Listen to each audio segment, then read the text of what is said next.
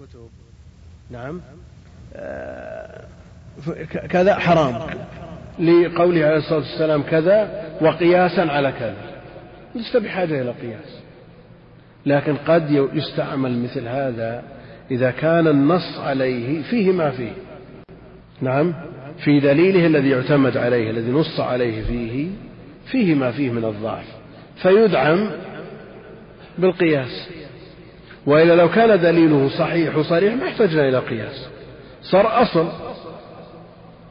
الرابع أن لا يكون متقدما على حكم الأصل. أن لا يكون متقدما على حكم الأصل وهو الشرط الثاني عشر من شروط الأصل. نأتي إلى العلة. والعلة علة.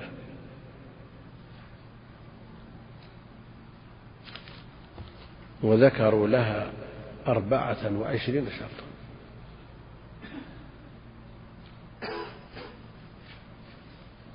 الشوكاني ذكر للعلة أربع وعشرين شرط. والمؤلف قالوا من شرط العلة أن تضطرد في معلولاتها فلا تنتقض لفظا ولا معنى تكون مضطردة. بحيث أن كل ما وجدت وجد الحكم لتسلم من النقض تكون مضطردة.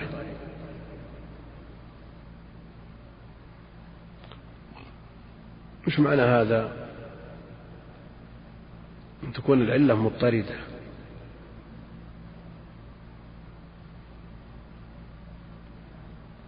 أن تضطرد العلة في معلولاتها فلا تنتقض لفظا ولا معنى إن إذا افترضنا علة لحكم يشركه فيها فروع كثيرة. لكن قد يأتي عليها النقض. يأتي عليها النقض. يأتي من ينقض هذه العلة. كيف؟ إيش معنى يأتي عليها النقض ما معنى ورود النقض على العلة؟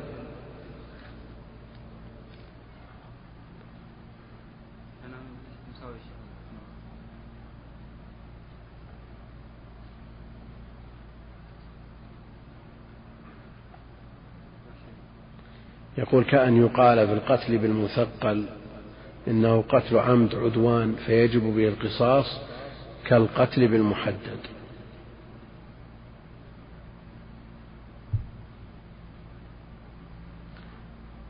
القتل بالمثقل قتل عمد عدوان فيجب به القصاص كالقتل بالمحدد. فينتقض ذلك بقتل الوالد ولده فإنه لا يجب به قصاص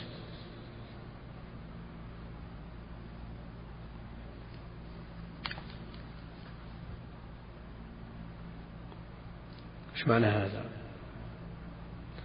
يريد أن يطرد العلة كل قتل بالمثقل يوجب القصاص لأنه عمد عدوان والمثقل قاتل. فلو افترضنا أن زيد من الناس قتل عمرو بالمثقل عدوان متعمد يقتل. أو قتله بمحدد بسيف أو بسكين. يقتل. فهل نقول إن كل قتل بالمحدد أو بالمثقل يوجب القصاص؟ نعم. نعم. ينتقل إذا قتل الوالد الولد أو مع عدم التكافؤ قتل حر عبدا. أو قتل مسلم كافرا بمثقل أو بمحدد حينئذ تنتقض العلة.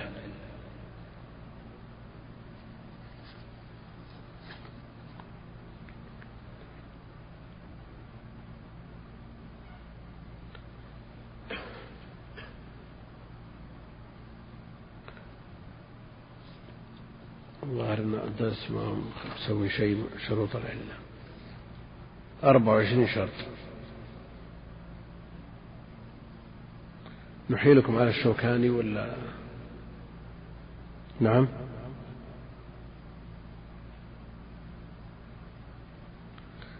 من الشروط التي ذكرها الشوكاني الأول أن تكون يعني العلة مؤثرة في الحكم. مؤثرة في الحكم. فإن لم تؤثر فيه لم يجز أن تكون علة إن لم تكن مؤثرة. الأصل في العلة أنها وصف مناسب وصف يتصف به من جاء الحكم بصدده. لو افترضنا مثلا الذي جامع في نهار رمضان وجبت عليه كفارة ظهار. نعم. هناك أوصاف كثيرة لهذا الرجل. نعم. هناك أوصاف كثيرة لهذا الرجل. نفترض أن هذا الرجل طويل القامة. لونه أسود. نعم. عريض. نعم. أمي لا يقرأ ولا يكتب. زيدة. نعم. نفترض أن, هذه الأوصاف مجتمعة في هذا الرجل. فهل مثل هذه الأوصاف مؤثرة في الحكم؟ نعم. غير مؤثرة لأن عرفنا من قاعدة الشرع أنه لا يلتفت إلى هذه الأمور. لا يفرق بين الأسود والأبيض لا يفرق بين الطويل والقصير لا يفرق بين العريض والنحيف. الشرع لا يفرق بين هذه الأمور.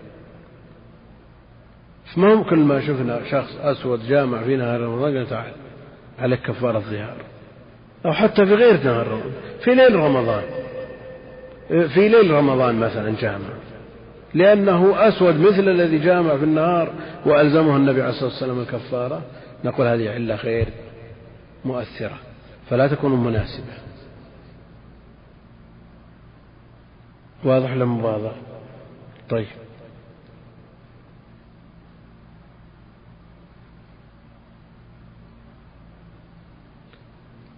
أن يكون وصفا ضابطا بأن يكون تأثيرها لحكمة مقصودة للشارع لا حكمة مجردة لخفائها فلا يظهر إلحاق غيرها بها. أن تكون ظاهرة جلية وإلا لم يمكن إثبات الحكم بها في الفرع على تقدير أن تكون أخفى منه ومساوية له الخفاء أن تكون سالمة بحيث لا يردها نص ولا إجماع. تكون العلة سالمة لا يردها نص ولا إجماع. أن لا يعارضها من العلل ما هو أقوى منها. أن لا يعارضها من العلل ما هو أقوى منها. ولذا في آه، تنقيح المناط. نجمع أكبر قدر من العلل المناسبة لهذا الحكم. نعم. ثم بعد ذلك ننقح. العلل المفضولة لأنها قوية وعلل ضعيفة. وعلل مناسبة وعلل غير مناسبة.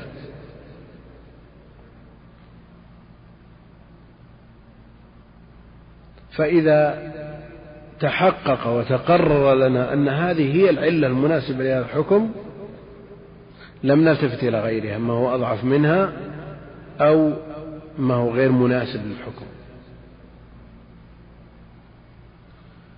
هنا أن تكون مضطردة التي شرحناها. السابع أن لا تكون عدما في الحكم الثبوتي أي لا يعلل الحكم الوجودي بالوصف العدمي. قاله جماعة وذهب الأكثرون إلى جوازه. الثامن أن لا تكون العلة المتعدية هي المحل أو جزء منه لأن ذلك يمنع من تعديها. التاسع أن ينتفي الحكم بانتفاء العلة. والمراد انتفاء العلم أو الظن به إذ لا يلزم من عدم الدليل عدم المدلول. أن ينتفي الحكم بانتفاء العلة. وهذا إذا كانت العلة منصوصة. العاشر أن تكون أوصافه مسلمة أو مدلولا عليها. الحادي عشر أن يكون الأصل المقيس عليه معللا بالعلة التي يعلق عليها الحكم في الفرع بنص أو إجماع. ثاني عشر أن لا تكون موجبة للفرع حكما وللأصل حكما غيره. الثالث عشر أن لا توجب ضدين لأنها حينئذ تكون شاهدة لحكمين متضادين. الرابع عشر أن لا يتأخر ثبوتها عن ثبوت حكم الأصل خلافا لقوم. يعني ما تستنبط العلة بعد استقرار الحكم الأصلي. أن لا يتأخر ثبوتها. إيش معنى ثبوتها؟ يعني تحققها في المحكوم عليه. أما كونها تخفى في أول الأمر ثم تستنبط فيما بعد هذا فيه ما يمنع ولا ما فيه؟ استنباط العلل توقيفي ولا اجتهادي؟ اجتهادي إذا للمتأخر أن يستنبط. نعم للمتأخر أن يستنبط. خامس عشر أن يكون الوصف معينا. لأن رد الفرع إليها لا يصح إلا بهذه الواسطة. السادس عشر أن يكون طريق إثباتها شرعيا كالحكم. السابع عشر أن لا يكون وصفا مقدرا الثامن عشر أن تكون مستنبطة فالشرط أن لا ترجع على الأصل بإبطاله أو إبطال بعضه لئلا يفضي أن لا ترجع على الأصل بالإبطال أو إبطال بعضه لئلا يفضي إلى ترك الراجح إلى المرجوح. إذ الظن المستفاد من النص أقوى من الظن المستفاد من الاستنباط لأنه فرع له والفرع لا يرجع على إبطال أصله وإلا لزم أن يرجع إلى تفسير إلى نفسه بالإبطال. الهرة. علة الطهارة فيها نعم نهى من الطوافين. فسؤرها طاهر. لو قال شخص الهرة سؤرها طاهر لماذا؟ لأنها تشبه الجدي ولا الجفرة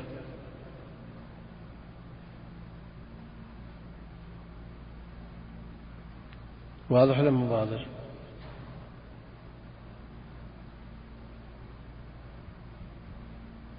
هذه العلة كونها مشبهة في الحجم إلى في شيء مباح هذه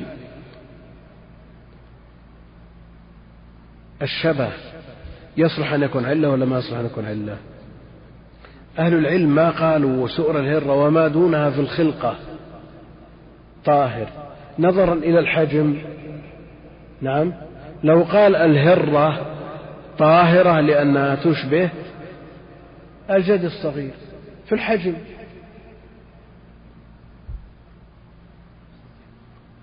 نعم. دعنا من كونها أصل كون علة منصوصة. لو قال شخص أنا عندي أن الهرة طاهرة. أو النص دل على طهارة سؤر الهرة. والعلة أستنبطها لأنها تشبه لأنه ما وقف على قول عليه الصلاة والسلام إنها من الطوافين. ولا من يقف ما هو معلم بعلة أخرى. لكن هذا ما وقف. عرف النبي عليه الصلاة والسلام توضأ بسؤرها أبو قتادة توضأ وأنه فقال طاهرة لماذا؟ فاستنبط علة. علة لأنها تشبه الجدي في حجمه أو تشبه الجفرة في حجمها. هذا يعود إلى الأصل بالإبطال لأنه يأتينا من يقول أنها تشبه هاتونا شيء محرم. أو نجس. ما بس حجمه. صغير. يجيب كبرى. لأنها تشبه جرو الكلب. ها. لأنها تشبه جرو الكلب. فعادت على الأصل بالإبطال. إذا هذه العلة لا تصح أن تكون علة. لأنها عادت على الأصل بالإبطال.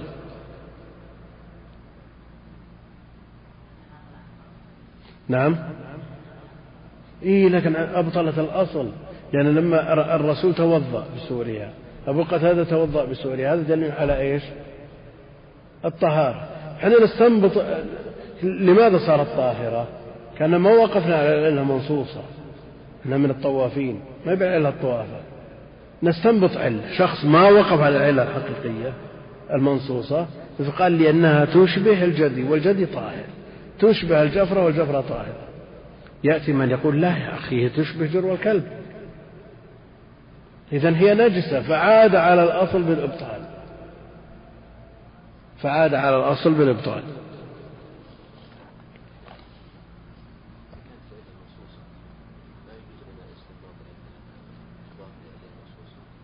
إي بس ما تعود عليه بالإبطال مثل هذه. ما تعود عليه بالإبطال. وإلا هم قالوا أيضا أهل العلم قالوا إن ما الهرة وما دونها في الخلقة طاهر. فنظروا إلى مسألة الحجم والحجم لا مانع منه إذا لم يعد على الاصل بالابطال التاسع عشر إن كان المستنبطة في الشرط أن لا تعارض بمعارض مناف لموجود في الأصل. العشرون إن كانت مستنبطة أن لا تتضمن زيادة على النص أي حكما غير ما أثبته النص.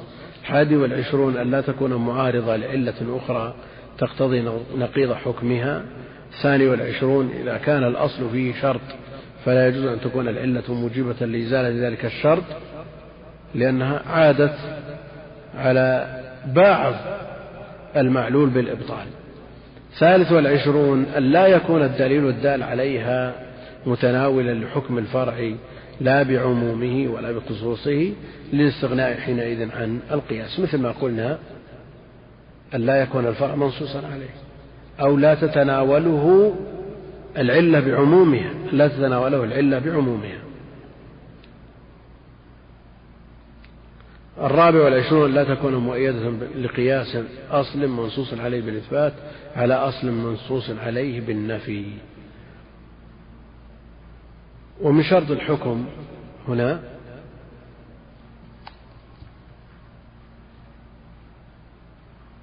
ومن شرط الحكم أن يكون مثل العلة في النفي والإثبات. شرط الحكم أن يكون مثل العلة في النفي والإثبات أي في الوجود والعدم. فإن وجدت العلة وجد الحكم وإن انتفت انتفى. وهذا إذا كان الحكم معللا بعلة واحدة كتحريم الخمر. فإنه معلل بالإسكار فمتى وجد الإسكار؟ وجد الحكم ومتى انتفى انتفى. وأما إذا كان الحكم معللا بعلل فإنه لا يلزم من انتفاء علة معينة منها انتفاء الحكم. كالقتل فإنه يجب بالردة والزنا بعد الإحصان وقتل النفس المعصومة المماثلة وترك الصلاة وغير ذلك. إيش معنى هذا؟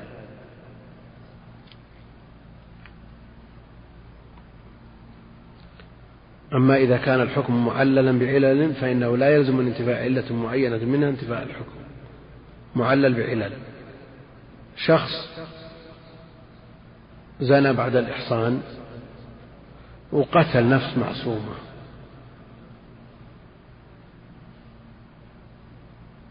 نعم.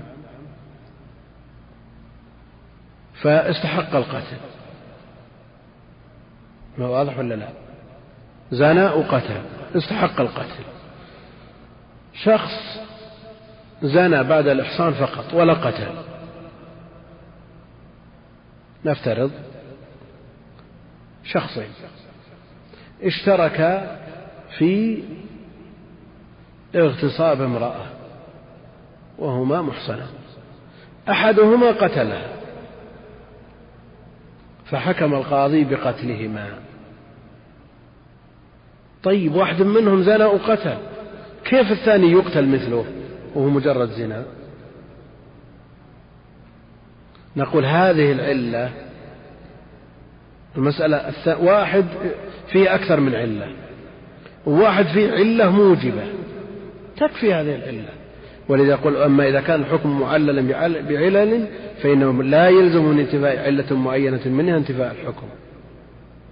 يعني ما يقول لك زيد من الناس ليش قتلت آه، ولدي وهما, وهما قتل؟ أنتم قتلتوا ولد فلان صحيح لأنه قتل. نقول قتلنا ولدك ليش؟ لأنه زنى وهو محصن. كالقتل فإنه يجب بالردة والزنا بعد الإحصان وقتل النفس المعصومة المماثلة وترك الصلاة وغير ذلك. هناك القياس له مفسدات له مفسدات. إذا كان القياس في مقابلة النص. قالوا عنه فاسد الاعتبار. لماذا؟ لأنه في مقابل النص. إذا كان القياس مخالف للإجماع أيضا فاسد الاعتبار. عدم ثبوت الوصف الجامع الذي يجمع بينهم فيقتضي الإلحاق. قصور العلة النقض وهو وجود الوصف بدون الحكم والنقض في سائر الأدلة يعني حتى في النصوص. العكس وهو وجود الحكم بدون الوصف. السابع القلب وهو إثبات نقيض الحكم بالعلة بعينها. الثامن الفرق وهو إبداء معنى مناسب للحكم يوجد في الأصل ويعدم بالفرع أو يوجد في الفرع ويعدم في الأصل. التاسع القول بالموجب. وهو يقدح في جميع الأدلة من القياس وغيره ومعناه أن يسلم الخصم الدليل الذي استدل به المستدل إلا أن يقول هذا الدليل ليس في محل النزاع. نعم؟ ليس في محل النزاع. نعم دليلك صحيح لكنه ليس في محل النزاع. دليلك مورد شيء آخر وإنما هو في غيره فيبقى الخلاف بينهم العاشر نقص شرط من شروط القياس التي تقدم ذكرها. تفضل. بعد أن أنهى المؤلف رحمه الله تعالى الكلام في الشروط قال والعلة هي الجالبة والحكم هو المجلوب للعلة. العلة هي الجالبة والحكم هو المجلوب للعلة. الوصف المناسب لترتيب الحكم عليه كدفع حاجة الفقير فإنه وصف مناسب دفع حاجة الفقير. علة. وصف مناسب لإيجاب الزكاة. والحكم هو المجلوب للعلة أي هو الأمر الذي نشأ عن وجود ذلك الوصف المناسب.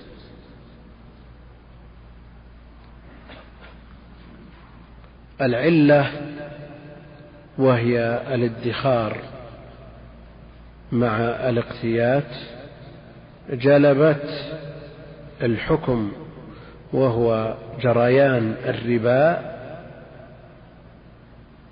في الأرز.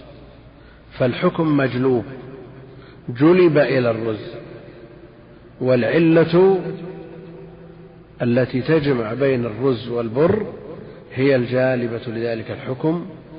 في هذا يقول الناظم رحمه الله والشرط في القياس كون الفرع مناسبا لأصله في الجمع بأن يكون جامع الأمرين مناسبا بأن يكون جامع الأمرين مناسبا للحكم دون مين وكون ذاك وكون ذاك الأصل ثابتا بما يوافق الخصمين في رأييهما وشرط كل علة أن تضطرد في كل معلولاتها التي لا التي ترد.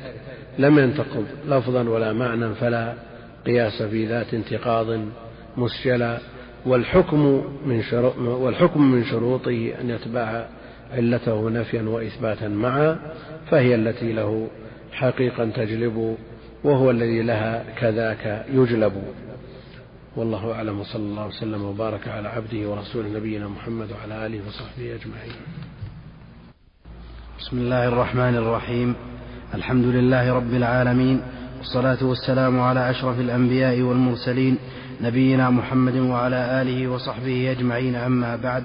فقد قال المؤلف رحمه الله تعالى وأما الحظر والإباحة فمن الناس من يقول إن الأشياء على الحظر إلا إن الأشياء على الحظر إلا ما أباحته الشريعة فإن لم يوجد فإن لم يوجد في الشريعة ما يدل على الإباحة فيستمسك بالأصل وهو الحظر. ومن الناس من يقول بضده. ومن الناس من يقول ومن الناس من يقول بضده. وهو أن الأصل في الأشياء الإباحة إلا ما حضره الشرع. ومعنى استصحاب الحال أن يستصحب الأصل عند عدم الدليل الشرعي. وأما الأدلة فيقدم الجلي منها على الخفي والموجب للعلم على الموجب للظن والنطق على القياس والقياس الجلي على الخفي فإن وجد في النطق ما يغير الأصل وإلا فيستصحب الحال.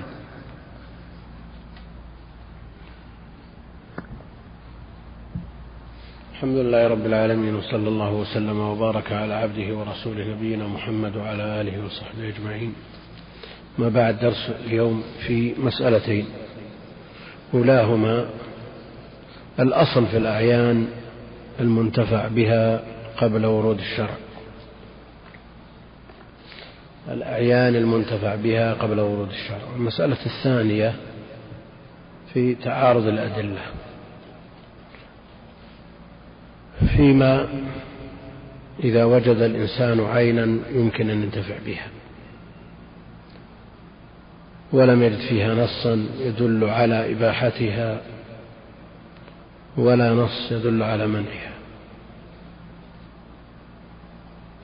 فهل ينتفع بها بناء على أن الأصل هو الإباحة حتى يجد دليل على المنع أو يكف عنها بناء على أن الأصل المنع والحظر حتى دليل حتى يجد دليل الإباحة هذه مسألة خلافية بين أهل العلم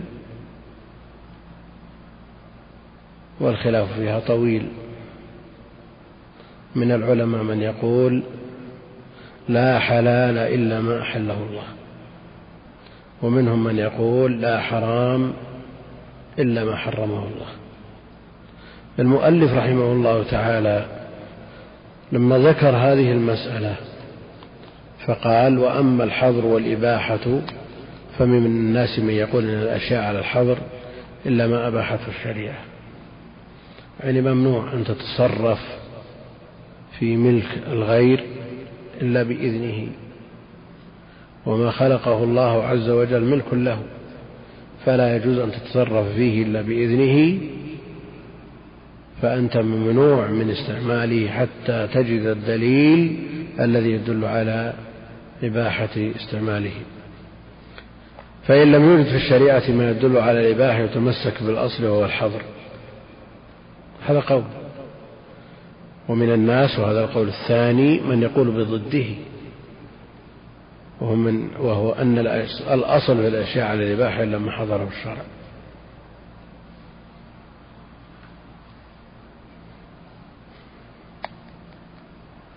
فمن العلماء من يقول أن الأشياء بعد البعثة موصوفة بالحظر كما كانت قبل البعثة محرمة.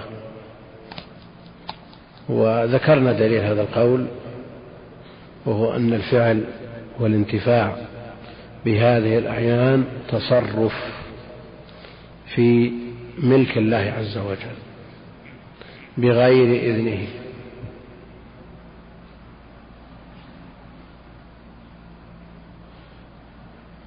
إذ جميع ما على وجه الأرض مما يمكن أن ينتفع به هو ملك لله عز وجل. والتصرف في ملك الغير بغير إذنه لا يجوز. فهو ممنوع أن تنتفع بشيء من ملك غيرك إلا بإذنه. القول الثاني هو أن الأصل في الأشياء على الإباحة يعني أنه مأذون فيها إذنا عاما مع عدم الحرج. ودليل ذلك أن الله تعالى خلق العبد وخلق له ما ينتفع به. خلق العبد يعني لو قلنا لا ينتفع بشيء حتى يجد دليل يدل على إباحته ماذا عن حكم الأشياء بعد البعثة مباشرة وقبل صدور الأدلة التي تدل على إباحة هذه الأعيان؟ يعني هل ينتظر الناس الذين تدينوا بهذا الدين وتابعوا النبي عليه الصلاة والسلام حتى يوجد ما يبيح لهم الانتفاع بهذه الأعيان؟ الله سبحانه وتعالى لما خلقهم وخلق لهم ما ينتفعون به دل ذلك على إباحته لهم إذ لو لم يبح لهم لكان خلقه جل وعلا إياها عبثا أي خاليا عن الحكمة.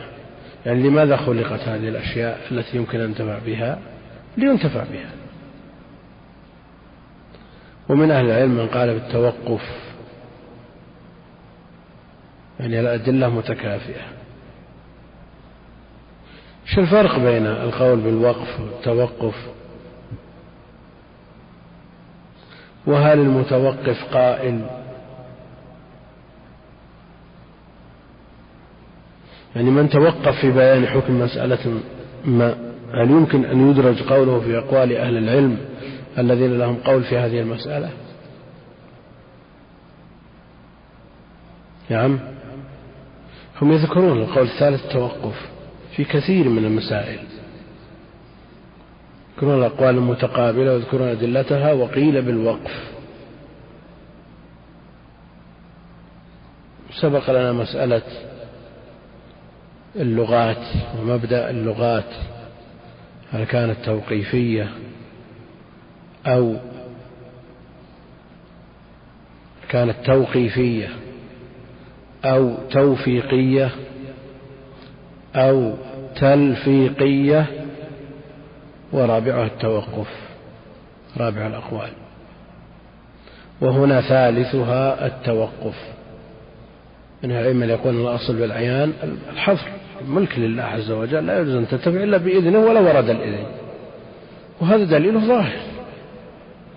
القول الثاني دليله أيضا والقول أن الأصل بالأشياء المتبع بها الإباحة دليله أيضا ظاهر. خلق هذه الأمور وذكرها على سبيل الامتنان من الله عز وجل أن الله امتن بها. خلق لكم ما في الأرض جميعا.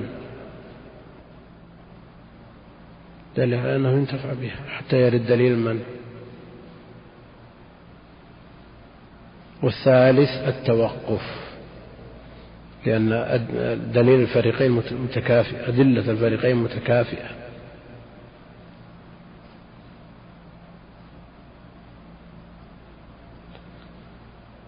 الآن المسألة متصورة.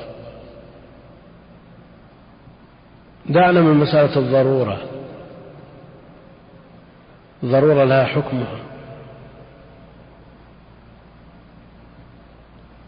اضطر إلى أكل حشيش يأكل. مضطر. نعم. وجد شيئا ضارا لا يجوز له أكله. وجد شيئا متساوي الطرفين لا يضر ولا ينفع. وأراد يجرب. لو قال قائل يا أخي وش الفرق بين البرسيم؟ علف الأغنام. نعم وبين الخس. وش الفرق بينهم؟ أن تاكل خس ولا تاكل برسيم؟ ليش ما ناكل برسيم؟ تقول له حرام. ولا حلال؟ إيش تقول؟ نعم ما يضر مثل الخس.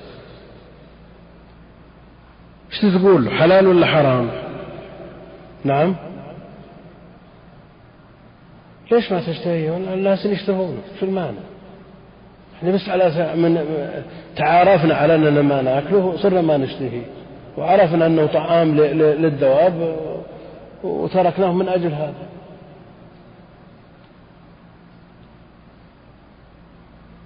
نعم. يقول والله هذا جائز إلا البس مو جائز إلا طعامه. وش المعنى؟ وش الماكل؟ إيش تقول له حرام ولا حلال؟ ما عندك دليل. لا يبيح ولا حرم. كل على أصله في المسألة. من يقول الأصل المنع يمتنع حتى يجد دليل يبيح. من يقول الأصل الإباحة يأكل حتى يجد دليل يدل على الإباحة.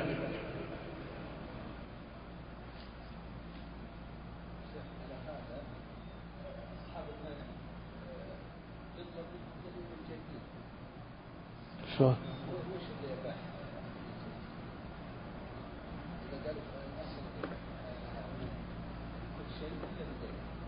أنت وش يدريك ما عندهم دليل؟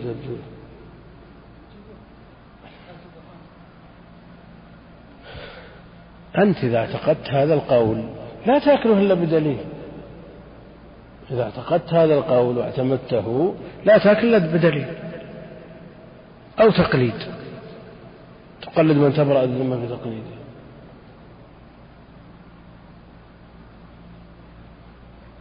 أظن مسألة ظاهرة. وذكرت لكم سابقا أن واحد علق على كتاب في هذه المسألة قال كالحشيش المؤلف مثل بالحشيش. والمعلق تكلم في أربع صفحات ينقل ما جاء في كتب أهل العلم عن الحشيش وأنها مسكرة وأنها حرام إجماعا وأنها نعم. وهو قصد الحشيش اللي بقى البر. طالع رحلة وجاز له نوع من أنواع الحشائش يأكل ولا ما يأكل؟ افترض أنها نفعها مظنون لكن ما تضر قطعا. يأكل ولا كل على أصله في هذه المسألة. نعم الورع الورع كونك ما تدخل في جوفك إلا شيء تجزم محل هذا شيء. نعم هذا أمر ثاني. يعني على الورع حامل كثير من السلف أن يترك المباح. خشية أن يقعوا في المحظور. فضلا عن المختلف فيه.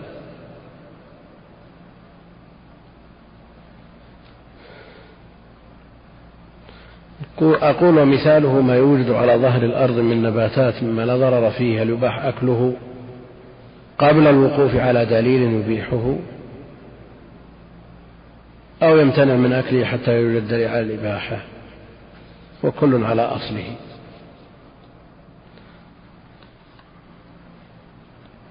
والمختار.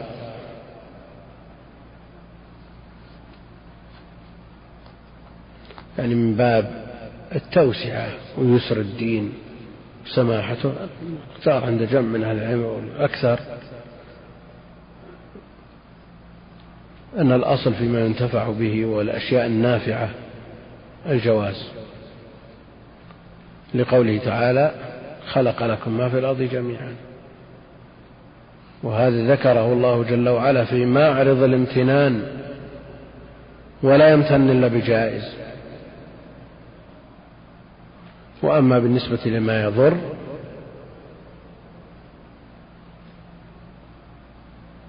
فالأصل فيها التحريم لعموم حديث لا ضرر ولا ضرار.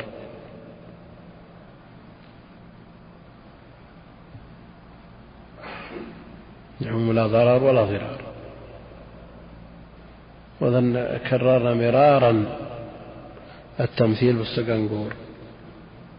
نعم مثلنا به مرارا فلا داعي لتكراره. المقصود أن المسألة واضحة ومتصورة. فلا أحد يمنعك من أن تأكل ما لا يضر ولو لم تجد دليل يدل على إباحته ما لم يكن ضارا أو يكون داخلا في عموم ما ينهى عنه.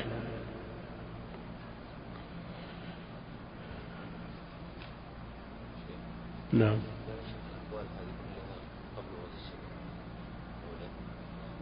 حتى بعد البعثة لكن بعد البعثة ها؟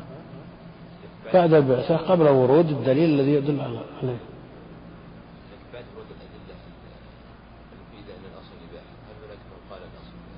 إيه إيه. الأصل في الآية المنتفع بها بعد ورود الشرع. كل على أصله تدري أن بعض الناس يقعد قواعد في الأطعمة الأصل الإباحة. بعضهم يقول الأصل المنع. نعم.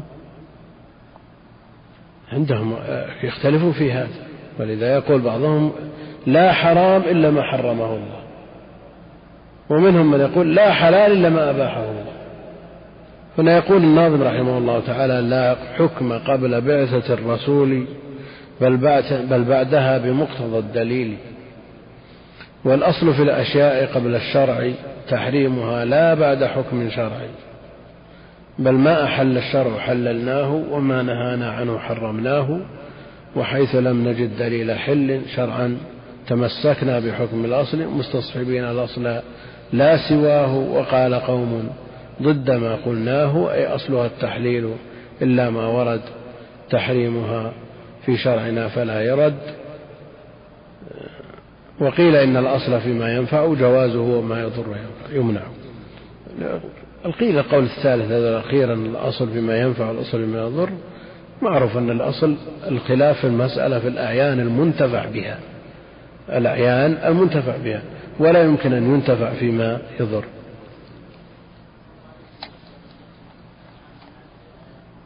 نعم. كلها لا أما بالنسبة للعبادات فهي توقيفية. العبادات توقيفية. لا يجوز لأحد أن يعمل شيئا إلا بمقتضى الدليل مما يتعبد به لله عز وجل وأن لا يعبد الله إلا بما شرع وأن لا يعبد الله إلا بما شرع. العبادات مفروغ منها. ولذا لا لا تدخلها الأقيسة. فالعبادات توقيفية.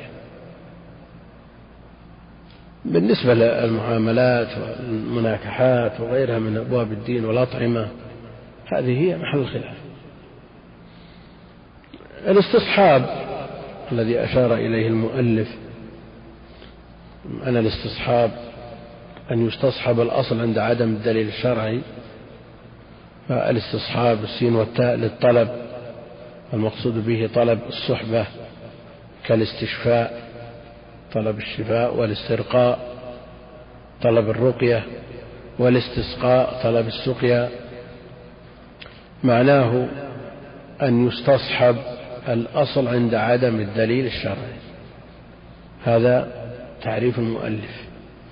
وفي إرشاد الفحول معناه أن ما ثبت في الزمن الماضي فالأصل بقاؤه في الزمن المستقبل مأخوذ من المصاحبة وهو بقاء ذلك الأمر ما لم يوجد ما يغيره. أن ما ثبت في الزمن الماضي فالأصل بقاؤه في الزمن المستقبل. قالوا مأخوذ من المصاحبة وبقاء ذلك الأمر ما لم يوجد ما يغيره.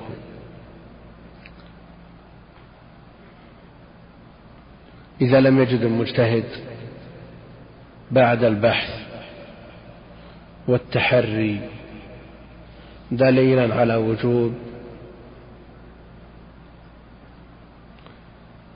شيء أو عدم وجوبه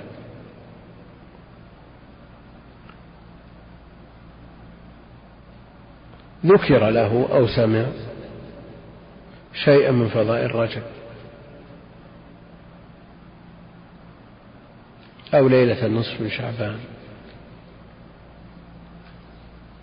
نعم. فأراد أن يصوم رجب. فبحث في الأدلة فلم يجد ما يدل على صو... على وجوب صوم رجب مثلا. فيستصحب هذا الأصل أن الأصل عدم وجوب صومه. أراد أن يصلي صلاة سادسة. فبحث عن دليل ما وجد لأن الواجبات الصلاة الواجبات الصلوات الخمس. هل علي غيرها؟ قال لا إلا أن تتطوع. ما وجد ما يدل على وجوب صلاة سادسة؟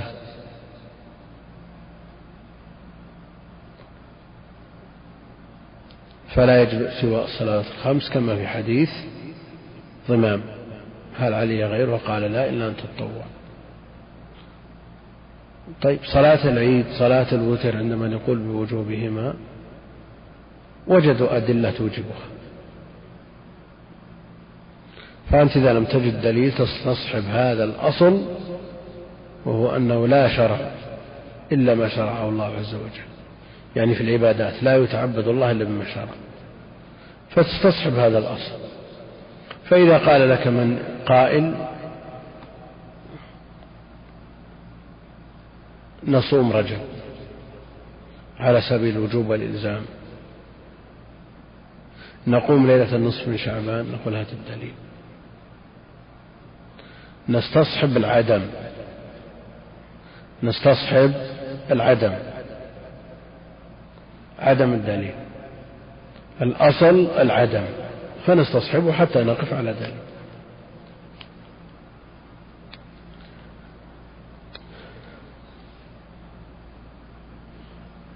والاستصحاب من الأدلة التي اختلف فيها العلماء اختلفوا في الاستصحاب هل هو حجة عند عدم الدليل فمنهم من قال حجة. وهذا قول الحنابلة والمالكية وأكثر الشافعية سواء كان في النفي أو في الإثبات. وحكاه ابن الحاجب عن الأكثر.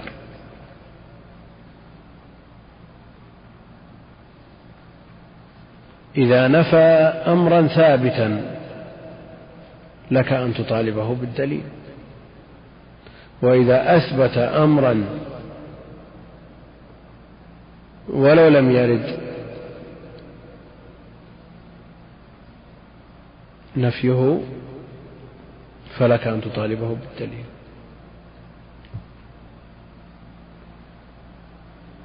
القول الثاني أنه ليس بحجة وإلى ذهب أكثر الحنفية والمتكلمين لأن الثبوت في الزمان الأول يفتقر إلى الدليل فكذلك في الزمان الثاني.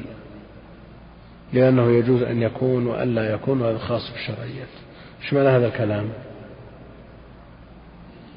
أكثر الحنفية يقولون الثبوت في الزمان الأول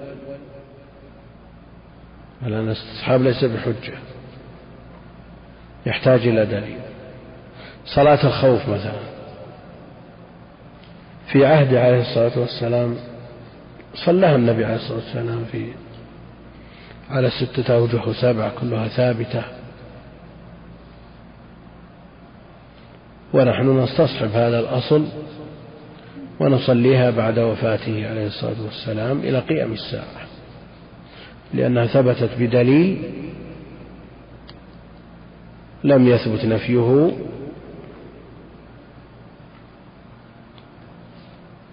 وصلى الصحابة بعده دليل على أن الحكم ليس خاصا به.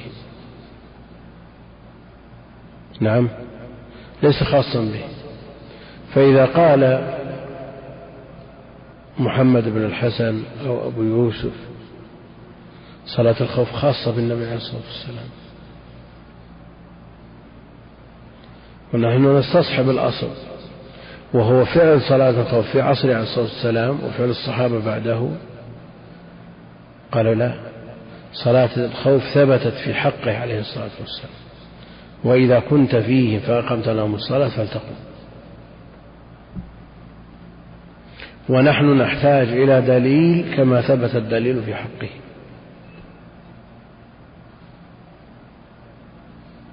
نحتاج إلى دليل. نقول أيضا نحتاج إلى دليل في مثل قول في قوله جل وعلا خذ من أموالهم صدقة.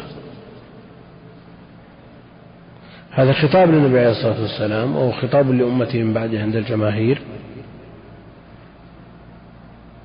بل لا أعرف من خالف في هذا بخلاف صلاة الخوف. إذا لا بد من ثبوت دليل يتناول الأمة. الخطاب للنبي عليه الصلاة والسلام خطاب لأمته ما لم يرد دليل يدل على التخصيص. عرفنا كلامهم في القول الثاني أنه ليس بحجة. ثبت في الزمن الأول ثبوته في الزمن الأول افتقر إلى دليل صلاة الخوف في عهد عليه الصلاة والسلام ثبتت بدليل وإذا كنت بهم فأقمت لهم الصلاة. بدليل أنه قبل ذلك قبل أن يرد هذا الدليل الصلوات الخمس في يوم الخندق جمعت في بعد غروب الشمس. لأنه لم يرد دليل.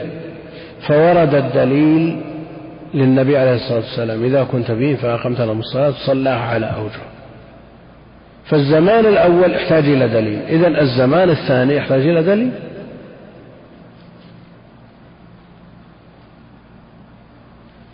ظاهر ولا ظاهر؟ نعم. أما أصحاب القول الأول يقول خلاص ثبت الدليل.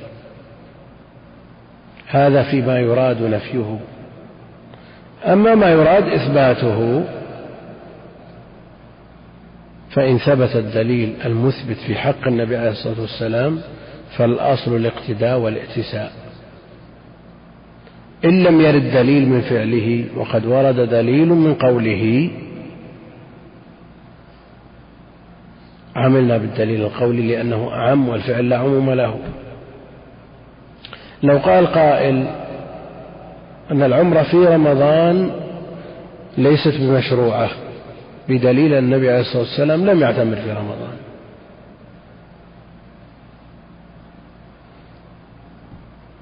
نعم ماذا نقول؟ نقول النبي عليه الصلاة والسلام حث على العمرة في رمضان وقال إنها تعدل حجة. كونه معتمر لعارض رحمة بأمته شفقة عليها عدم تمكنه عليه الصلاة والسلام من ذلك شيء آخر. لكن الدليل القولي يتناول النبي عليه الصلاة والسلام يتناول الأمة. لكن كونه ما فعل لا يعني أنه ليس بمشروع. صوم عشر ذي الحجة بعض من كتب يقول هذا من الأخطاء من أخطاء الناس في عشر ذي الحجة الصيام لأنه ثبت من حديث عائشة رضي الله عنها أن النبي عليه الصلاة والسلام ما كان يصوم العشر. نقول أيضا ثبت من حديث بعض أزواجه عليه الصلاة والسلام أنه كان يصوم تسع ذي الحجة. فإذا اعترض هذا بالحث على العمل الصالح في هذه الأيام. ما من أيام من العمل الصالح فيهن خير أحب إلى الله من هذه الأيام العشر. وثبت أيضا أن الصيام من أفضل الأعمال من صام يوما في سبيل الله باعد الله وجهه عن النار سبعين قريبا إذا انضم هذا إلى هذا. قلنا أن صيام تسعة الحجة مشروع بل من أفضل الأعمال لأنه عمل فاضل عمل صالح ما من أيام العمل الصالح وهذا عمل صالح. كونه عليه الصلاة والسلام ما صام كما في حديث عائشة أو صام في حديث بعض أزواجه عليه الصلاة والسلام كونه ما صام يعني لا يعني أنه أن الصيام غير مثل كونه لم يعتمر في رمضان.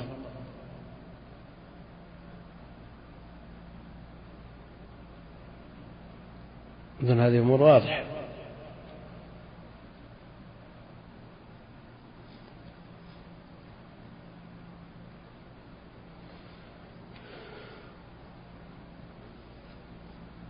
منهم من يقول أن الاستصحاب يصلح أن يكون مرجحا يرجح به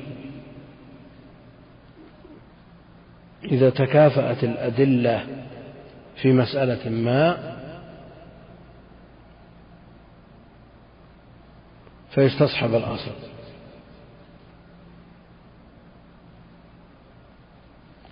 يعني وجدنا أدلة تدل على المنع وأدلة تدل على الإباحة. نرجح بالاستصحاب لأن الأصل أنه دليل وإن كان مختلفا فيه فهو من ضمن ما يدعم القول بالإباحة. قال به قوم. ومنهم من عكس من قال يرجح الناقل عن الأصل. يرجح الناقل عن الأصل. ليش يرجح الناقل عن الأصل؟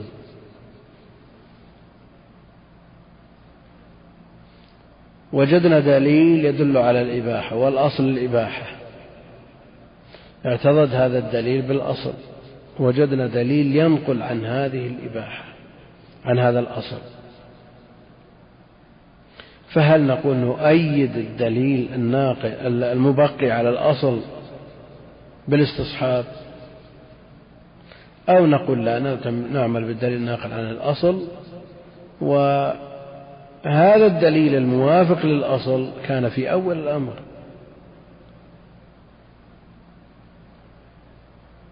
وإلا لزم على ذلك النسخ مرتين. نصير نقلنا عن الأصل ثم نسخنا هذا الناقل. لكن كوننا نقول أن هذا المبقي للأصل في أول الأمر بناء على أن الأصل إباحة. ثم جاء ما ينقل عن هذا الأصل. وعلى كل حال المسألة خلافية. هل الأصل هل يؤيد ما ما يؤيد الاستصحاب؟ والأصل أن يبقى الحكم على أصله. أو نقول يرجح الناقل عن الأصل على المبقي له المسألة معروفة. المسألة أيضا فيها أقوال أخر أضربنا عن ذكرها اختصارا. يقول الناظم رحمه الله تعالى وحد الاستصحاب أخذ المجتهد بالأصل عند دليل دليل حكم قد فقد.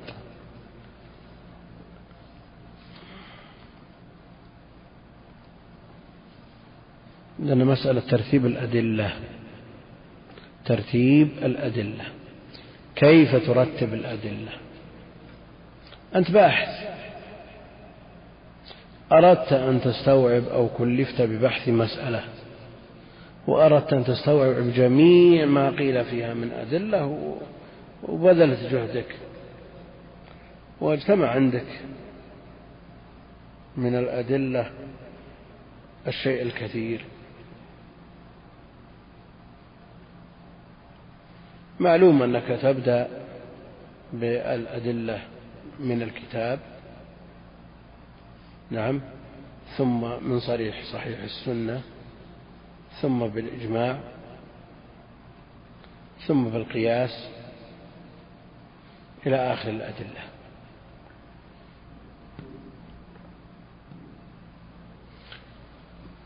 هذا الترتيب الطبيعي حسب القوة ترتب. من ظاهر. هل يستدل شخص على حكم مسألة يقدم القياس على الكتاب والسنة؟ أو يقدم السنة على القرآن؟ نعم من أهل العلم من يكتفي بالإجماع. فيقول المسألة هذا جائزة بالإجماع أو دليلها الإجماع. وفيها دليل من الكتاب والسنة. فيستدرك عليه فيقال هذا الحكم جائز بالكتاب والسنة والإجماع.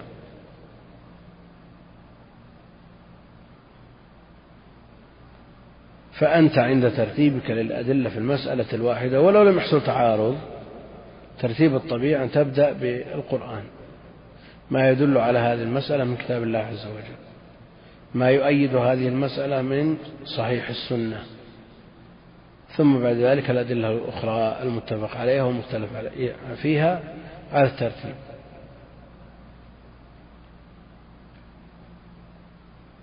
لكن إذا تعارضت هذه الأدلة إذا تعارضت هذه الأدلة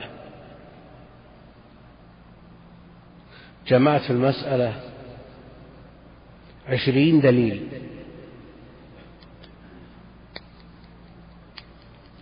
عشرين دليل. عشرة منها تؤيد الإباحة وعشرة يستدل بها على تحريم هذا الفعل. نقول تعارضت الأدلة. في هذه المسألة تعارضت الأدلة. إن أمكن الجمع بين هذه الأدلة بوجه من الوجوه المعتبرة عند أهل العلم. ولو بحمل خاص عام على خاص ومطلق على مقيد. إذا أمكن الجمع تعين. إذا لم يمكن الجمع وعرفنا المتقدم من المتأخر قلنا هذا ناسخ إذا لم يمكن الجمع ولم نعرف المتقدم من المتأخر لا بد من الترجيح. إذا لم يمكن الترجيح فإيش؟ فالتوقف. الترجيح كيف ترجح بين هذه النصوص؟ النصوص هذه المتعارضة في الظاهر من القرآن أو من السنة أو منهما معا. فالمؤلف رحمه الله تعالى يقول وأما الأدلة فيقدم الجلي منها على الخفي. والموجب للعلم على الموجب للظن والنطق على القياس والقياس الجلي على الخفي فإن وجد في النطق ما يغير الأصل وإلا فيستصحب الحال.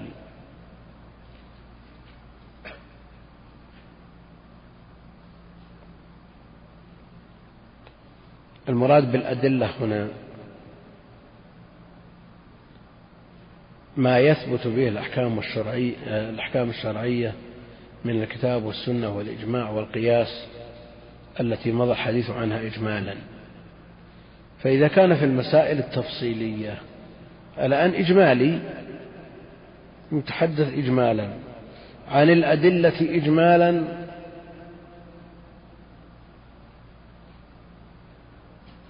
على ضوء ما تقدم الذي هو موضوع أصول الفقه.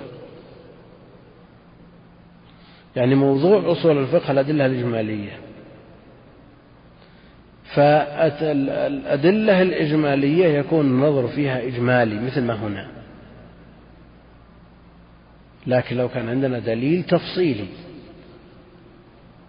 دليل تفصيلي يدل على حكم مسألة ما فإن الكلام في هذا التعارض ودفعه يكون على سبيل التفصيل.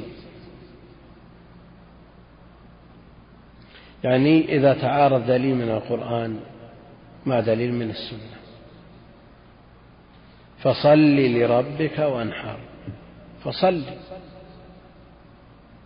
دليل من القرآن. هل المراد بالصلاة الصلوات الخمس؟ فصل لربك. هل المراد بالصلوات الخمس؟ نعم. ليس المراد به الصلوات الخمس. لكن حافظوا على الصلوات. المراد به الصلوات الخمس. فصل لربك وانحر. هذا دليل من القرآن استدل به بعضهم على وجوب صلاة العيد. في حديث ضمام وهو من السنة. هل علي غيرها؟ قال لا إلا أن تتطوع فالنظر في تعارض في التعارض بين هذين الدليلين من وجوه. أحد هذه الوجوه أن أحدهما قطعي الثبوت وهو الآية والثاني ظني وهو الحديث. فمن هذه الحيثية نقدم القطع على إيش؟ الظني. إذا نظرنا إلى هذين النصين من جهة أخرى وجدنا أن الحديث يدل على المدعى بمفهومه. بمفهومه.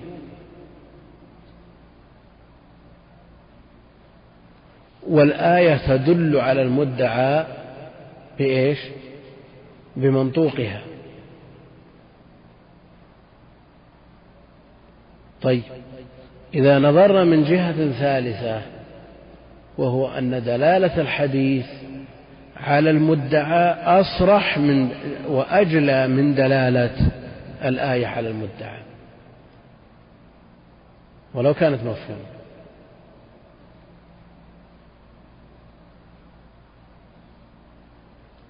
صح ولا لا؟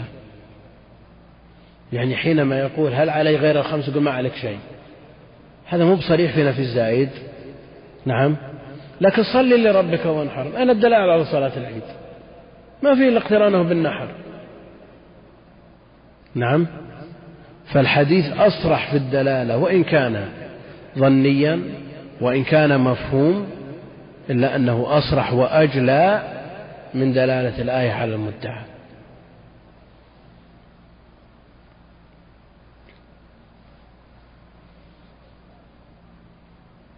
إذا تعارض عند المجتهد أكثر من فرد من أفراد ما ذكر من أدلة الكتاب والسنة والإجماع والقياس والاستصحاب قول الصحابي عند من يقول به الأدلة الإجمالية فلا بد من ترجيح بعضها على بعض إذا لم يمكن الجمع كما هو معروف. فيقدم الجلي وهو ما اتضح المراد منه. يقدم الجلي على ما اتضح المراد منه على الخفي وهو ما لم يتضح المراد منه. والموجب للعلم على الموجب للظن والنطق على القياس والقياس الجلي على الخفي. نعم لا بد أن يقدم الجلي وهو ما اتضح المراد منه بأن كان نصا في الدلالة على المدعى. على الخفي وهو ما كانت دلالته ظاهرة أو مؤولة. الموجب للعلم وهو القرآن ومتواتر السنة على ما تقدم على الموجب للظن وما ثبت من أخبار الآحاد وهذا تقدم بسطه والنطق وهو قول الله جل وعلا وقول رسوله عليه الصلاة والسلام على القياس الذي تقدم شرحه إلا إذا كان النص عاما فإنه يخص بالقياس.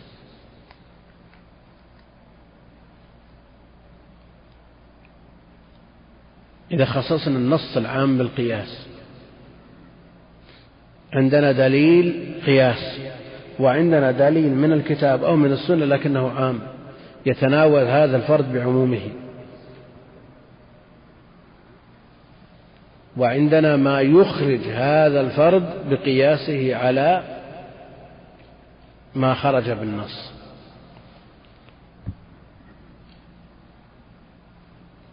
نعم. حبس من يأتي الفاحشة حتى الوفاة. آية النساء. نعم. من نسائكم. نعم. حتى نعم. أو يجعل الله لهن سبيلا.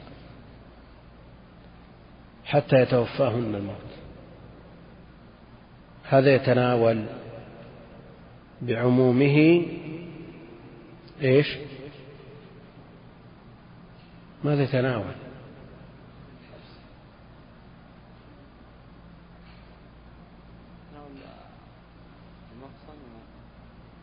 نعم المحصن والثيب.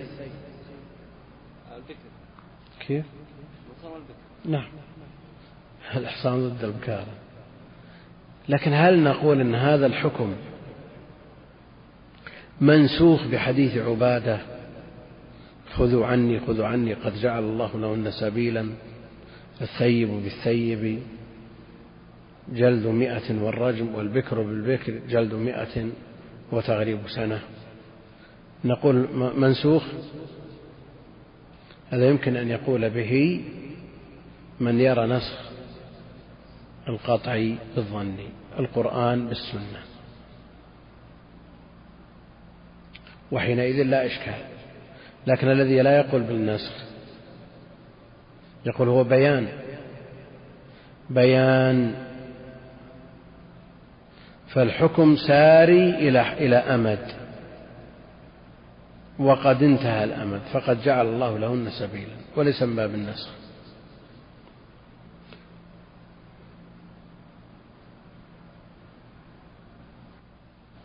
ها. النص في الإماء. النص في الإماء. دعونا من هذه الآية.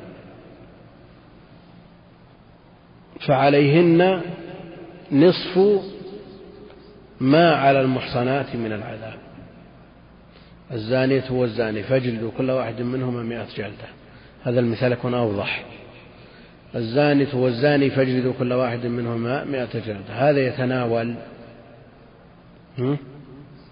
الأحرار والعبيد. بعمومه يتناول الأحرار والعبيد. خرج الإماء بقوله فعليهن نصف مع المحصنات من العذاب. وخرج العبيد بالقياس على الإمام فالعموم عموم الزانية والزاني مخصوص بالقياس بالنسبة لذكور العبيد مخصوص بالقياس على على الإمام.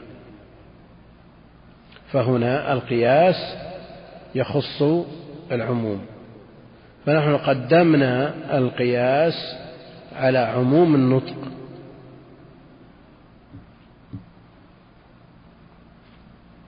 لأن عندهم الترجيح.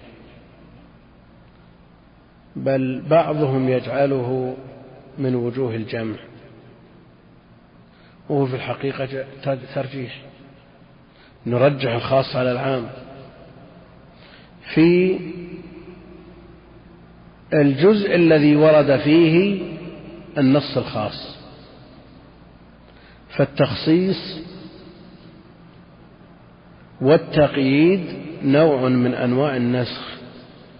يطلق عليه بعض المتقدمين النسخ بمعناه الأعم. لا شك أن فيه رفع حكم بالنسبة لما ورد فيه الدليل الخاص لكنه رفع جزئي وليس برفع كلي.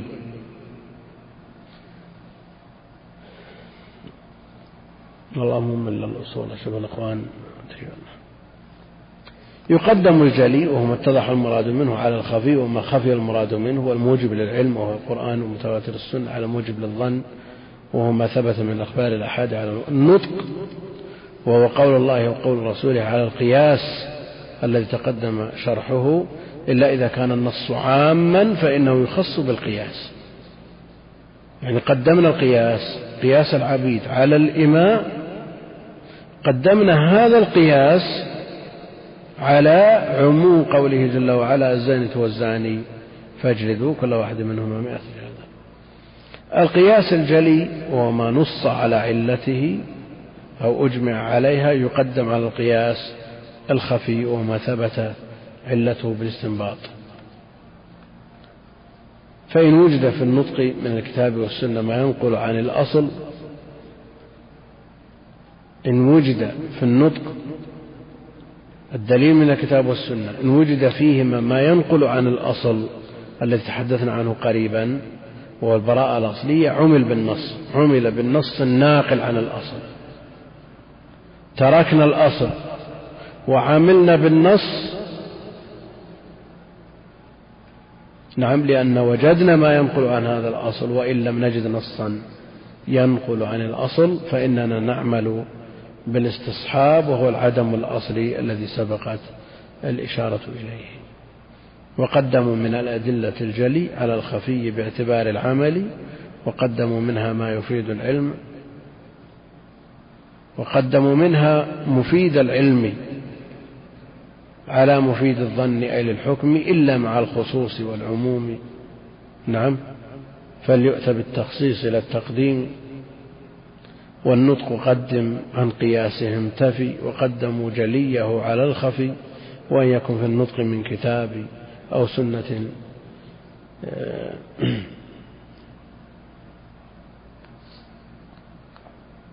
وإن يكن في النطق من كتاب أو سنة تغيير الاستصحاب فالنطق حجة إذا وإلا فكن بالاستصحاب مستدلا. تفضل. تفضل الرحمن الرحيم. الحمد لله رب العالمين وصلى الله وسلم على نبينا محمد وعلى آله وصحبه أجمعين أما بعد فقد قال المؤلف رحمه الله تعالى ومن شرط المفتي أن يكون عالما بالفقه أصلا وفرعا. خلافا ومذهبا خلافا ومذهبا وأن يكون كامل الآلة في الاجتهاد عارفا بما يحتاج إليه في استنباط الأحكام من النحو واللغة ومعرفة الرجال الراوين وتفسير الآيات الواردة في الأحكام والأخبار في الأحكام والأخبار الواردة فيها. ومن شرط المستفتي أن يكون أهلا للتقليد فيقلد المفتي في الفتيا. أن يكون من أهل التقليد. أن يكون من أهل أن يكون من أهل التقليد فيقلد المفتي في الفتيا وليس للعالم أن يقلد. وليس للعالم أن يقلد والتقليد قبول قول يكفي يكفي, يكفي.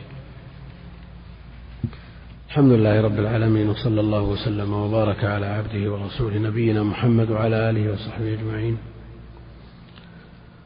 لما فرغ المؤلف رحمه الله تعالى من بيان ما يحتاج إليه الطالب المبتدئ ما يتعلق بالأصول الإجمالية من الكتاب والسنة والإجماع والقياس والاستصحاب قول الصحابي. وذكر كيفية الاستفادة منها عقب ذلك كله بحال المستفيد. بحال المستفيد والمجتهد. المجتهد وهو المفتي. له شروط عند أهل العلم. من شرطه أن يكون عالما بالفقه أصلا وفرعا يعني بأصوله وفروعه. كيف يكون عالم بالفقه؟ كيف يكون المفتي عالم بالفقه؟ يعني هل المقصود بذلك أن يكون مستحضرا لجميع المسائل الفقهية بأدلتها؟ أو يكفي في ذلك تحصيل جملة من المسائل يستطيع بواسطتها من تطبيق هذه الأصول على تلك الفروع بأدلتها ويكون بالنسبة للباقي معرفته معرفته بها بالقوة القريبة من الفعل. فالفقيه منه ما منه ما يكون بالفعل ففلان فقيه بالفعل. يعني مستحضر لجميع المسائل المتداولة بين الفقهاء بأدلتها ومنهم من يكون فقيها بالقوة القريبة من الفعل بمعنى أنه يستطيع الوصول إلى المسائل بأدلتها ويتوصل إلى القول الصحيح بدليله في أقرب وقت. هذا فقيه لكنه بالقوة. وليس بالفعل. وهذا تقدم ذكره في شرح آه، تعريف الفقه.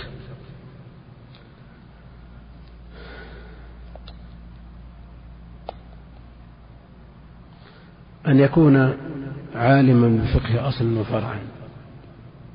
يعني لا بد أن يكون متصورا للمسائل الفقهية وقواعد الفقه وأصوله وبما فيها من الخلاف. سواء كان في مذهب بعينه إذا كان المراد به المجتهد المقيد ويكون مجتهد مذهب يسمون مجتهد مذهب أو على العموم في مذاهب العلماء كلهم إذا كان المراد الاجتهاد المطلق. والمراد بمذاهب العلماء مذاهب فقهاء الأمصار ممن يعتد بقوله منهم. ولا يقدح فيه أن يخفى عليه بعض الأقوال الشاذة التي لا حظ لها من النظر. ولا يقدح فيه أن يخفى عليه أقوال المبتدعة الذين لا يعتد بهم في الخلاف والوفاق. اشتراط هذا الشرط الذي هو الاطلاع على المذاهب ومعرفة مواطن الخلاف والإجماع لئلا يخالف كلاما مجمعا عليه فيحدث قول يخالف الإجماع.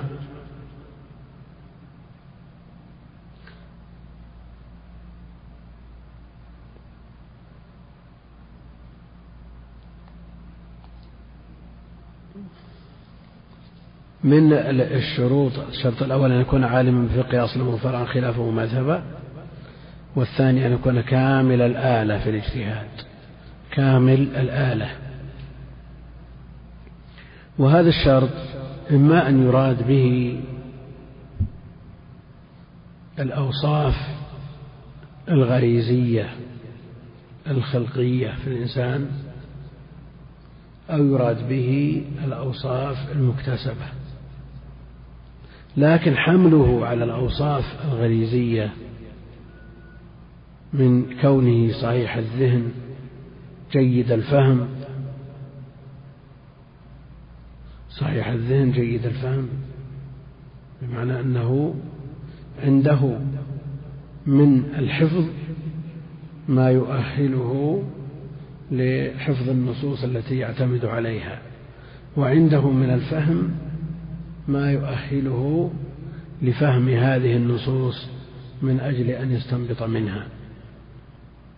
حمله على هذا أولى لأن, الثاني الاحتمال الثاني يغني عنه الشرط الثالث وهو أن يكون عارفا بما يحتاج إليه في استنباط الأحكام. هذه العلوم المكتسبة. لا بد أن يكون عارفا بما يحتاج إليه في استنباط الأحكام فلا بد أن يكون جيد التحصيل فيما ذكره المؤلف من علوم. جيد التحصيل.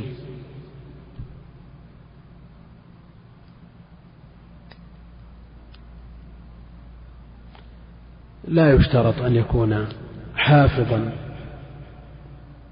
لجميع هذه العلوم. بحيث يكون في كل علم كخواص أهله بل يكفي من هذه العلوم ما يحتاج إليه في فهم النصوص في فهم الكتاب والسنة. فلا بد من مشاركته في النحو واللغة وهذا أشار إليه المؤلف. أن يكون عارفا ما يحتاج إليه استنباط الأحكام من النحو واللغة. لا بد أن يكون عالما بقدر اللازم الكافي لفهم الكلام من اللغة بفروعها. فروع اللغة كم؟ عشرة؟ النحو الصرف اللغة. إيش معنى اللغة؟ نعم. مفردات ولا تسمونها متن اللغة؟ وفقه اللغة. نعم. والعروض والقوافي والبيان والمعاني والبديع والاشتقاق. هذه فروع علم اللغة. لكن لا يلزم معرفة العروض والقوافي. لماذا؟ لأن الكلام نثر. كلام الله جل وعلا ليس بشعر. وكلام نبيه عليه الصلاة والسلام نفي عنه أن يكون شعرا. على كل حال هذا من الكمال أن يكون عارفا بذلك. وهذا معروف عند أهل العلم يعني فروع هذه العلوم كلها معروفة عند أهل العلم. إلى طبقة شيوخنا.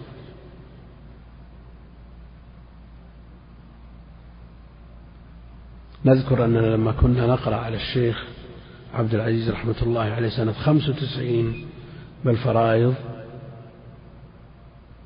جاء بيت كان فيه انكسار فقطعه الشيخ عروضيا وأثبت ما في شيء. مثل هذا يحتاج إليه لا شك أنه كمال. نعم هذا أمر كمالي لكن يحتاج إليه طالب العلم. طالب العلم محتاج إلى النحو. هذه حاجة ضرورية ليست كمالية. الصرف أيضا كذلك. مفردات اللغة الذي هو متن اللغة فقه اللغة. الآن منا من يفرق من يفرق بين متن اللغة وفقه اللغة؟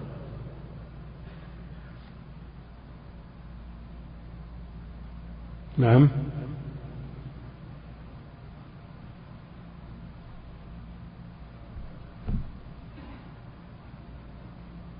ها.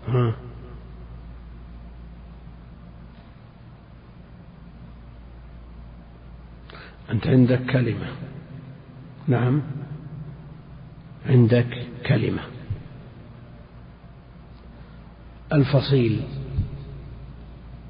ما معنى الفصيل؟ ها؟ شو؟ لا إيش معناه؟ نعم. ولد إيش؟ لا ولد إيش؟ خلنا معنى واحد. ولد الناقة. هذا مفردات اللغة متن اللغة, اللغة. لكن إذا كنت تعرف ولد اللغة ولد الناقة هذا ولد ناقة. لكن وش يسمى بلغة العرب؟ ترجع إلى كتب فقه اللغة. يعني عكس متن اللغة. أما بالنسبة لفقه متن اللغة ومفرداتها فيها المعاجم التي لا تعد ولا تحصى. ومن أهمها من أهمها كتب المتقدمين مثل الصحاح والتهذيب يليها اللسان والقاموس ومن أجمع ما كتب في اللغة تاج العروس. هناك أيضا المجمل ومعجم المقاييس لابن فارس وغيرها كتب كثيرة لا يحاط بها. لكن كتب فقه اللغة قليلة. من أنفاسها فقه اللغة للثعالب وهو مختصر وأيضا المخصص لابن سيدة كتاب نفيس ولا يستغني عنه طالب علم. هناك كتاب اسمه الإفصاح في فقه اللغة لعبد المتعال الصعيدي. أظن كتب النحو والصرف لو بدأنا نعدد كتب النحو والتدرج فيها والصرف كذلك وما لعل هذا نرجئه إلى شرح الأجرمية وهي التي بعد هذا الكتاب بعد الورقات الأجرمية إن شاء الله تعالى. والصرف واللغة فقها ومتنا والعروض والقافية وهذه أيضا كتب فيها كثير والبيان والمعاني والبديع الفنون الثلاثة التي يجمعها البلاغة. فيها الكتب الكثيرة للمتقدمين والمتأخرين ففيها لعبد القاهر الجرجاني. أسرار البلاغة ودلائل الإعجاز. وفيها المفتاح السكاكي وفيها تلخيص المفتاح. الذي دار الناس بفلكه ومشوا وراءه وكثرت شروحه وحواشيه وعنوا به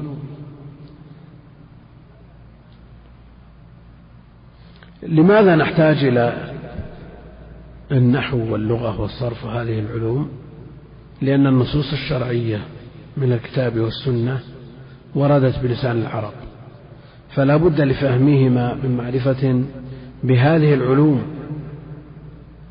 تؤهل لفهمه.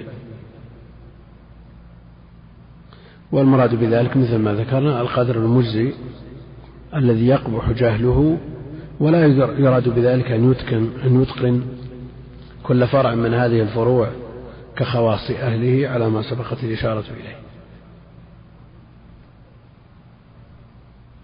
من الأدب أيضا من أدب المفتي أن يطلع على كتب الأدب وهذه تعطيه الأساليب والعبارات الجيدة التي يستطيع بواسطتها أن يوصل ما لديه من علوم. ويقصد بذلك الأدب العفيف لا الأدب الماجن. وإن كان أهل العلم يطلعون على الكتب وإن كان فيها ما فيها. وفيها فوائد وإن كان فيها شيء من المخالفة التي بعضها لا يليق بسمت طالب العلم. لكن تجد كثير من أهل العلم حينما يفتي أو يسأل يصعب عليه أن يوصل المعلومة التي يريدها إلى المستفتي. نعم هناك كتب قد تغني عن هذه الكتب وهي عفيفة مثل الأساليب الرائعة التي بثها ابن القيم في كتبه. لو يحفظ منها طالب العلم كمية وجملة استفاد منها في مستقبل حياته. ولذا العالم حينما يسأل ينبغي أن ينظر حال السائل من أي طبقة يكون فيخاطبه على قدر فهمه. قد يكون السائل طالب علم. وما ليس عنده من العبارات ما يستطيع أن يوصله إلى طالب العلم مع أن طالب العلم أسهل من العامي فيوصل المعلومة والفتوى والجواب إلى هذا السائل بالأسلوب المناسب. هذا إذا كان السائل واحد أو مجموعة يشملهم وصف واحد. لكن إذا كان السؤال مطروح على خلائق لا يحصون. منهم العالم منهم المتعلم منهم العامي منهم ال... الذي لا يفهم اللهجات. فمثل هذا يتعين عليه أن يكون أن يكون جوابه مفهوما لدى السامعين. فلا يفتي بلهجة لا يفهمها جميع من يستمع. هو لا يطالب أن يفتي بجميع اللغات أو يتعلم جميع اللغات ليفتي بها لكن أقل الأحوال أن يتقن العربية بحيث يفتي الناس بالعربية. لأن الأقاليم تختلف في فهم العامية وبعض الألفاظ العامية يختلف مدلولها من قطر إلى آخر. يختلف مدلولها من قطر إلى آخر وقد تفيد الضد والنقيض.